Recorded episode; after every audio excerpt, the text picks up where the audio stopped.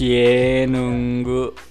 Eh, balik lagi ke podcast Sarjana Muda. Eh, podcastnya anak-anak yang selalu rebahan, tiduran, dan gak ada kerjaan. Bahkan yang ada tugas tapi so nggak mikirin gitu. Ya, langsung saja ya di sini episode ke-6 ya. Episode ini bisa dikatakan spesial lagi gitu. Di mana episode kali ini kita bertiga seperti biasa ada teman saya yang suka nebeng di kosan gitu yaitu Fahri Jalan Nugraha siapa dulu? Ya halo, saya direkrut menjadi co-host. Saya Fahri Jalan Nebengers Nugraha. nah di sini kita kedatangan salah satu dosen dari kampus kita. Da- jauh-jauh dari Cirebon ke sini. Bener kok pak? Dari Cirebon? Eh, ya dari Cirebon asal saya cuman sekarang saya udah hampir 9 tahun di Bandung. wow 9 tahun di Bandung Sudah kelihatan suaranya. Iya, ya sudah ke ciri khas suaranya mungkin kalian bertanya-tanya ini siapa gitu dosen siapa Suaranya khas. suaranya khas banget gitu ya boleh perkenalan dulu pak oke. Eh, terima kasih atas kesempatannya di sini mungkin eh, dalam undangannya itu mendadak 5 menit sebelum saya ke sini. Sehingga ketika saya da- datang di sini itu istilahnya ditodong oleh Mas Ramdan, Mas Abdul dan Fahrizal ini kan gitu. Jadi eh, mau nggak mau untuk istilahnya ngobam ngobam lah gitu lah ngobrol asik malam-malam kan gitu ya dengan eh, mahasiswa-mahasiswa yang mungkin kreatif ini secara apa namanya untuk meningkatkan eksistensi teman-teman semua kan gitu. ya kita jangan munafik ya bahwa kita itu pengen terkenal betul gak pak Ya betul banget ini salah satu cara yang mungkin bagi saya itu anti mainstream kan gitu. Ketika dengan adanya HP mungkin orang itu istilahnya sibuk dengan gadgetnya sendiri kan gitu, dengan asik dengan berkomunikasi pacar, orang tua maupun apa pun lah gitu sampai ke hal-hal yang mistis mungkin gitu. ya eh, baik pak Eh, langsung saja biar nggak terlalu ngayayai gitu ya langsung ke pertanyaan-pertanyaan yang pertama eh, Bapak kan dosen baru di kampus kita ya. Jangan disebutin lah Pak eh, kampusnya ya. Iya, siap. Menjaga rahasia. kita. Ya, Cibiru aja lah Pak. Iya. Karena kan di Cibiru. Ya. Gimana rasanya jadi dosen di kampus kita tercinta ini Pak? Ya, eh, kalau misalkan bagaimana eh, apa namanya perasaannya mungkin dari awal itu saya tidak eh, memiliki pemikiran gitu terkait saya itu harus bekerja di eh, UPI ataupun di mana pun. Tapi bagi saya itu ketika saya mendapatkan sebuah kesempatan ataupun membuat eh, mendapatkan sebuah amanah yang di mana saya itu kan istilahnya di sini itu bukan semata-mata aji mumpung tapi apa yang saya lakukan kan gitu. Berdasarkan dari ikhtiar saya berdasarkan dari berdasarkan dari apa namanya eh, usaha saya dan sebelum saya di Cibiru mungkin saya udah menyebarkan 30 undangan eh undangan 30 lamaran lebih gitu. Di mana saya udah eh, di Cirebon di Kuningan, di Bogor, di Bandung gitu. Tapi alhamdulillah sampai ketika saya apa ya eh, istilahnya berkelana dan saya mencoba terakhir itu di kampus yang eh, di mana saya dilahirkan yaitu di kampus ini gitu ya. Mantap jawabannya bro. Dosen Luar banget. biasa. Dosen banget ya. Nggak kayak mantap. kita gitu. Eh, Kampret banget. Ya, sekarang pertanyaan kedua Pak. Sekarang. Iya, nah, sekarang benar. Eh, Kira-kira Bapak eh, sekarang kan udah mulai eh, hampir berapa tahun Pak? Setahun ada? Eh, di Cibiru Cibiru. eh, kurang lebih 6 sampai 7 bulan. Tujuh bulan. Ya. Eh, Setahun lah. eh, gimana di sini? Udah mulai merasa betah atau seperti apa Pak? Kalau mungkin awal-awal itu saya em, masih apa ya eh, culture shock ya gitu, di mana saya itu dulu itu menjadi seorang mahasiswa di kampus ini dan kemudian sekarang itu saya menjadi apa namanya rekan-rekan dengan dosen yang lain. Sehingga ya jelas lah gitu kita di awal itu mengalami sebuah proses adaptasi kembali kan gitu. Bagaimana saya menghormati eh, orang tua saya di sini yang dulu itu membimbing saya kan gitu yang dulu apa namanya eh, memberikan suatu saran memberikan sebuah eh, wejangan dan sekarang ya mungkin eh, sudah menjadi hal yang seharusnya gitu untuk menjadi sebuah proses apa namanya eh, belajar dan saya harus menghormati beliau-beliau semua gitu di sini gitu. Tapi secara apa namanya lambat laun itu saya eh, menikmati gitu proses ini menikmati sebuah iklim yang baru ini gitu dengan adanya apa namanya mungkin status yang berbeda kan gitu. Tapi bagi saya untuk menghormati beliau-beliau itu saya tetap itu untuk uh, tetap mau belajar. Dan saya juga mengang- menganggap mahasiswa-mahasiswa di sini itu sebagai teman saya sendiri kan gitu seperti itu. luar biasa ya. Aduh. Nah sekarang kita ada pertanyaan selanjutnya. Ada pemain tambahan rupanya di sini. Biasalah si gendut Abdul Ya, terima kasih pada Bapak Ramdan. Gimana kaum saya, kaum rebahan? Apa kabarnya? Kita di sini kedatangan seorang dosen yang sangat luar biasa. Dan di sini saya akan menyampaikan pertanyaan ketiga Bapak Ya. tentang pandangan Bapak terhadap kehidupan kampus ini. Di kehidupan kampus di ya kampus kita lah. mahasiswanya Mahasiswanya atau kehidupan organisasinya atau yang lain-lainnya. Ya, yang pasti eh, kalau misalkan eh, seseorang yang menjabat atau diberikan sebuah label mahasiswa itu artinya kita akan menghadapi sebuah permasalahan, kita menghadapi sebuah apa namanya tantangan, tapi di sini kan gitu, di mana kita harus memberikan sebuah eh, istilahnya problem solver gitu, jangan sampai menjadi problem maker di eh, ketika menghadapi sebuah iya kan gitu biasa menghadapi sebuah apa namanya birokrasi yang mungkin di lembaga itu tidak sesuai dengan apa namanya semestinya apa yang harus kita lakukan kan gitu. Jangan semata-mata kita hanya mengikuti secara istilahnya ritual akademis kan gitu. Sehingga kalian itu istilahnya budayanya budaya itu eh, dibungkam semua gitu dengan keadaan apa namanya keadaan yang mungkin sudah diset oleh lembaga se- tersebut kan tapi bagi saya kalau misalkan mahasiswa Cibiru ini ya, memiliki sebuah kekritisan yang tersendiri kan gitu di mana kemarin itu mereka sudah melakukan sebuah audiensi dengan lembaga kan gitu. Dan mungkin di situ kan iya kan gitu. Di situ eh, saya apresiasi penuh kan gitu di mana ketika ada sebuah yang mungkin menjadi sebuah permasalahan terhadap eh, eh, keseharian di kampus kan gitu. Mungkin di situ kalian harus bisa eh, bicara kan gitu. Harus bisa Yang mudah istilahnya ya istilahnya langsung kalian itu tidak puas dengan apa yang kalian rasakan saat ini kan gitu. Luar biasa. Biasa luar biasa. Tercengang. Tercengang mendengarnya. Sampai diam, Bro. ya mungkin itu adalah sejarah ya pak ya Iya. diskusi publik tersebut sampai mengungkap ada yang Mung- eh, tidak puas terhadap fasilitas dan tidak puas terhadap Tenaga. kinerja dosen dan sebagainya gitu ya kita kan rakyat demokrasi gitu berarti Betul, kita betul. harus eh, emang bersuara gitu Ya harus harus seperti itu kan gitu. Jangan sampai ketika kalian diberikan atau eh, fasilitas yang diberikan itu istilahnya masih kurang kepada eh, mahasiswanya, kalian jangan sampai tinggal diam kan gitu ketika dengan apa namanya, misalkan ya ada dosen yang tidak mengajarkan sesuai dengan bidangnya itu, jangan sampai kalian itu diam kan gitu. Artinya kalau misalkan saya melihat apa namanya eh, sesuatu hal yang mungkin bukan bidangnya itu kan bagi saya itu hal yang mungkin menjadi pelacuran akademis kan gitu. iya. Kan. iya, jadi bagi saya kan ah, jangan sampai ketika seseorang yang bidangnya di apa namanya eh, IPA terus kemudian mencoba eh, mengajar di bidang keahlian IPS kan gitu. Nanti eh, yang ada atau bahasa Indonesia yang ada nanti IPA yang disastrakan kan gitu. Ya pak langsung saja ya pak ke pertanyaan selanjutnya gitu biar nggak terlalu eh, panjang gitu. Setelah sekian lama jadi dosen yang jadi mahasiswa bapak pada semangat tidak di kelas? Nah yang paling semangat itu cewek apa cowok?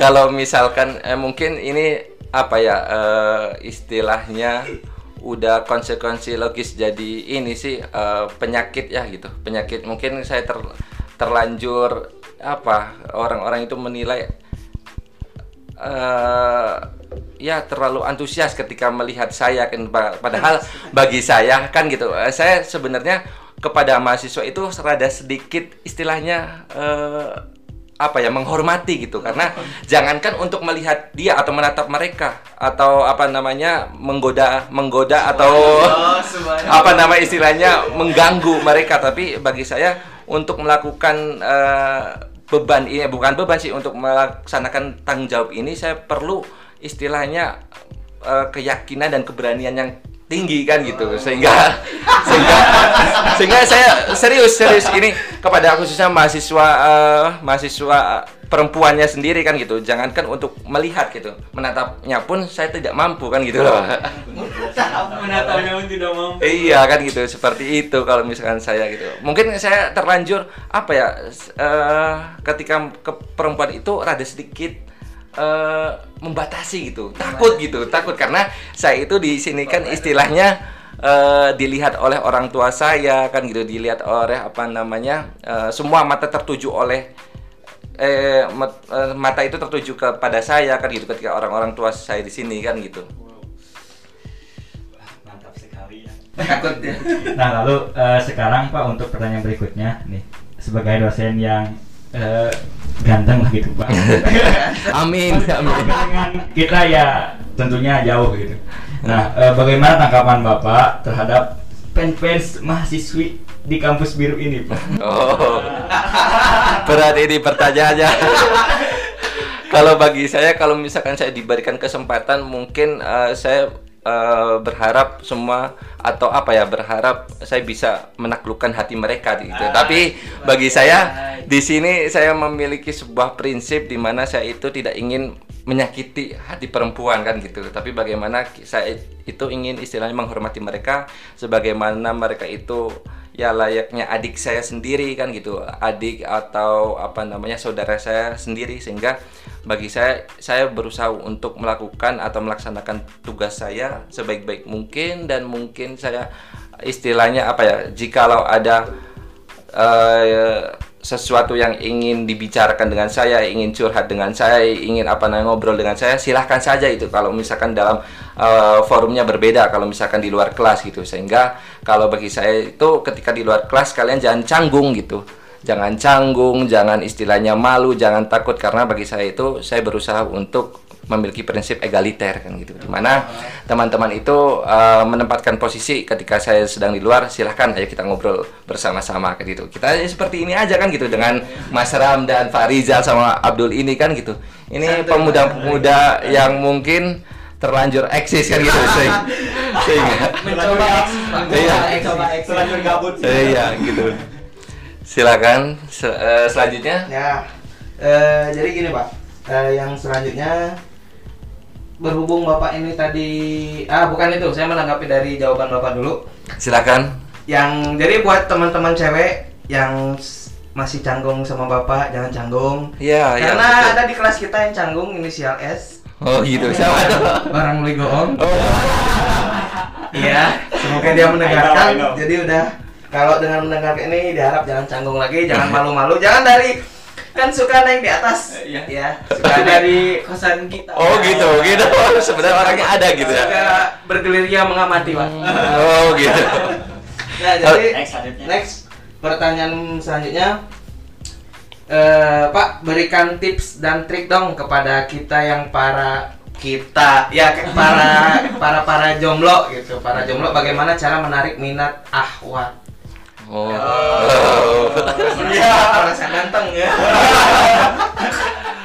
Kalau bagi saya kan gitu, eh, ketika ya saya sih selalu mengaitkan dengan hal yang spiritual kan gitu daripada kita meminta atau kepada orangnya langsung. Bagi saya mah kalau misalkan eh, sesuatu jawabannya mungkin menyakitkan kita itu kan akan apa ya? eh, apa namanya yang kita kejar itu seakan-akan sia-sia kan itu tapi kalau misalkan kita mintanya pada yang pemiliknya kan gitu ya kita kan istilahnya ya selain itu juga kita harus apa namanya gimana ya sulit juga sih pertanyaannya karena bagi saya itu saya bukan tipe tipikal orang yang mungkin terlalu tertebar pesona atau orang yang mungkin diada-adakan kan gitu kalau bagi saya kan ya udah ini ini saya ini keadaan saya kalau misalkan kalian ingin belajar kalian ingin apa namanya eh, tertarik dengan kehidupan saya yuk kita belajar bersama-sama seperti itu gitu Sepertiga malam kayaknya. iya kan gitu. Persetiga malam kayaknya. Iya gitu. Berarti Yang pasti yang pasti percaya diri sajalah kalau misalkan apa namanya kalian itu tertarik pada seseorang tapi kalaupun misalkan kalian apa namanya memiliki percaya diri jangan terlampau percaya diri gitu. Karena kalaupun misalkan eh, kalian terlalu pede yang ada kalian itu apa ya istilahnya eh takut eh, ini juga sih apa namanya sok juga kan gitu. Jadi ya udahlah gitu. Guys. Mm-mm, gitu. Jadi ya kita mendekati secara sewajarnya kita uh, berusaha untuk membuka hati membuka diri dan jangan sampai kita menjadi seorang atau pribadi yang mungkin uh, terlihat sombong di depan orang lain kan gitu. Luar biasa ya. Berarti Bapak nggak pakai dukun ya? Ya goyang nggak usah pakai dukun karena ya gimana ya orang gadang saya udah jadi penyakit kan gitu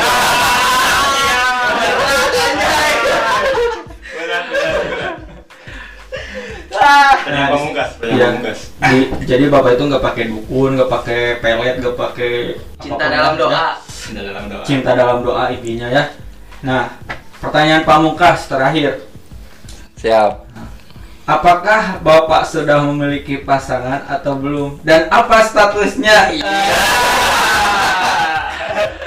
Aduh, jelas, Pak. ini berat. jelas, Pak, biar ini berat banget pertanyaannya. Yang pasti uh, teman-teman juga kemarin sempat uh, melihat dari statusan eh status teman eh uh, teman atau rekan saya kan gitu di mana yang pasti doakan saja kalaupun misalkan ini jodohnya atau ini sebuah ya istilahnya itikat baik kan gitu terkait apa namanya niatan saya ya mungkin apa namanya menjadi sesuatu yang ya diharapkan berkah kan gitu. Dan selanjutnya kalaupun misalkan menanyakan status kan eh, yang namanya lak- laki-laki kan gitu kali ketika keluar dari kosan atau rumah itu udah menjadi lajang lagi kan gitu berarti Ngeri juga kan gitu.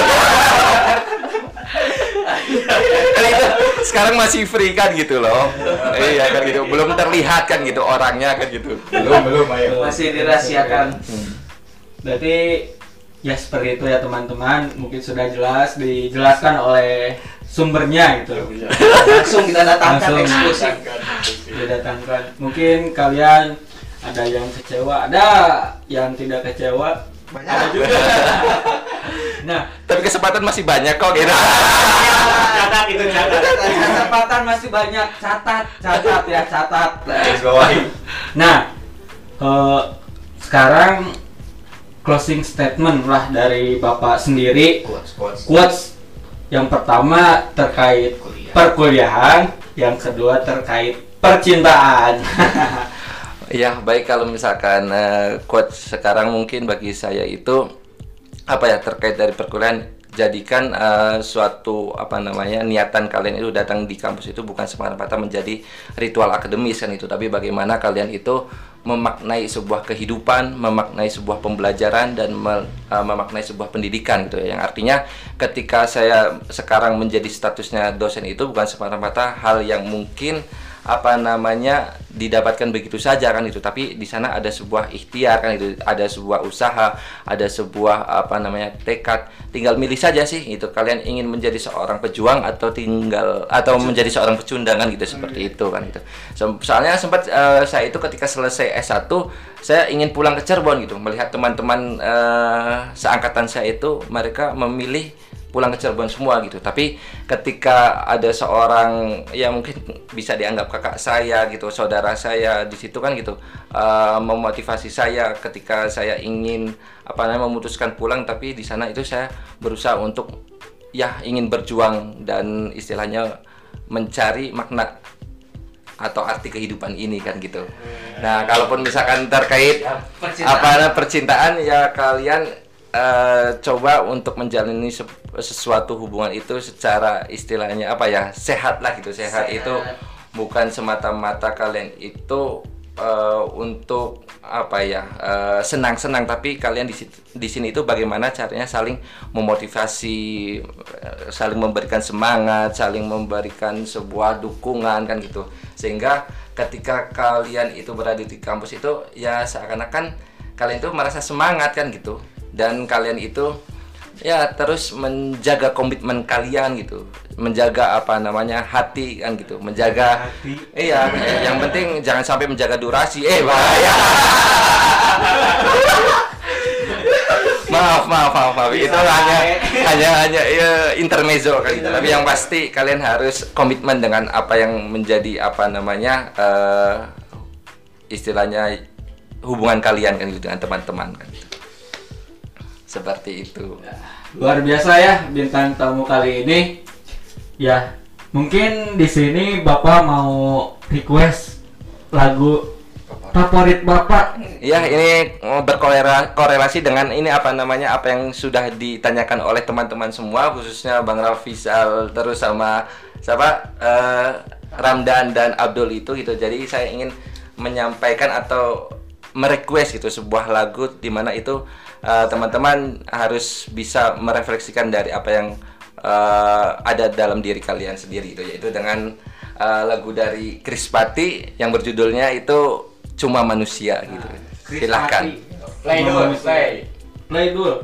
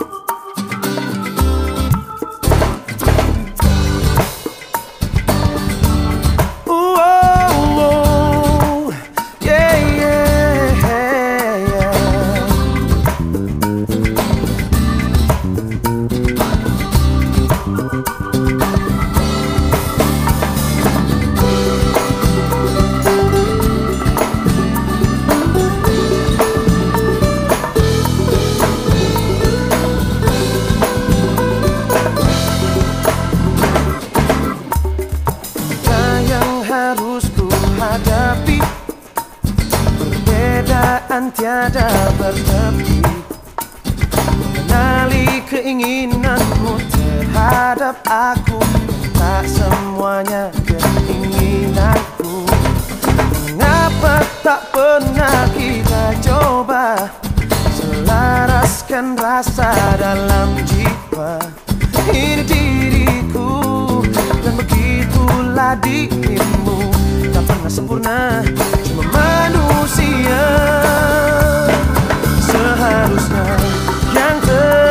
terjadi Selalu dapat disadari.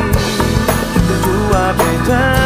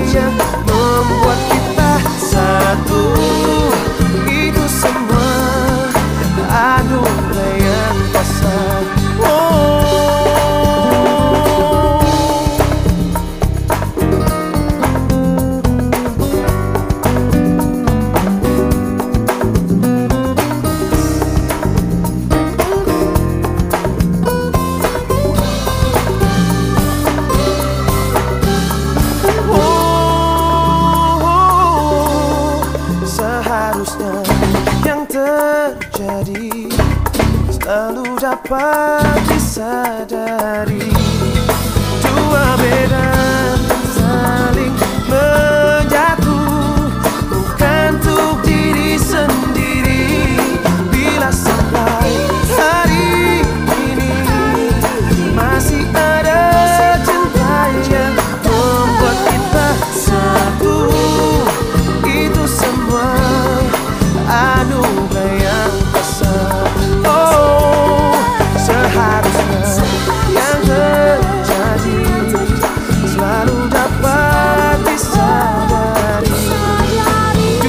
baby.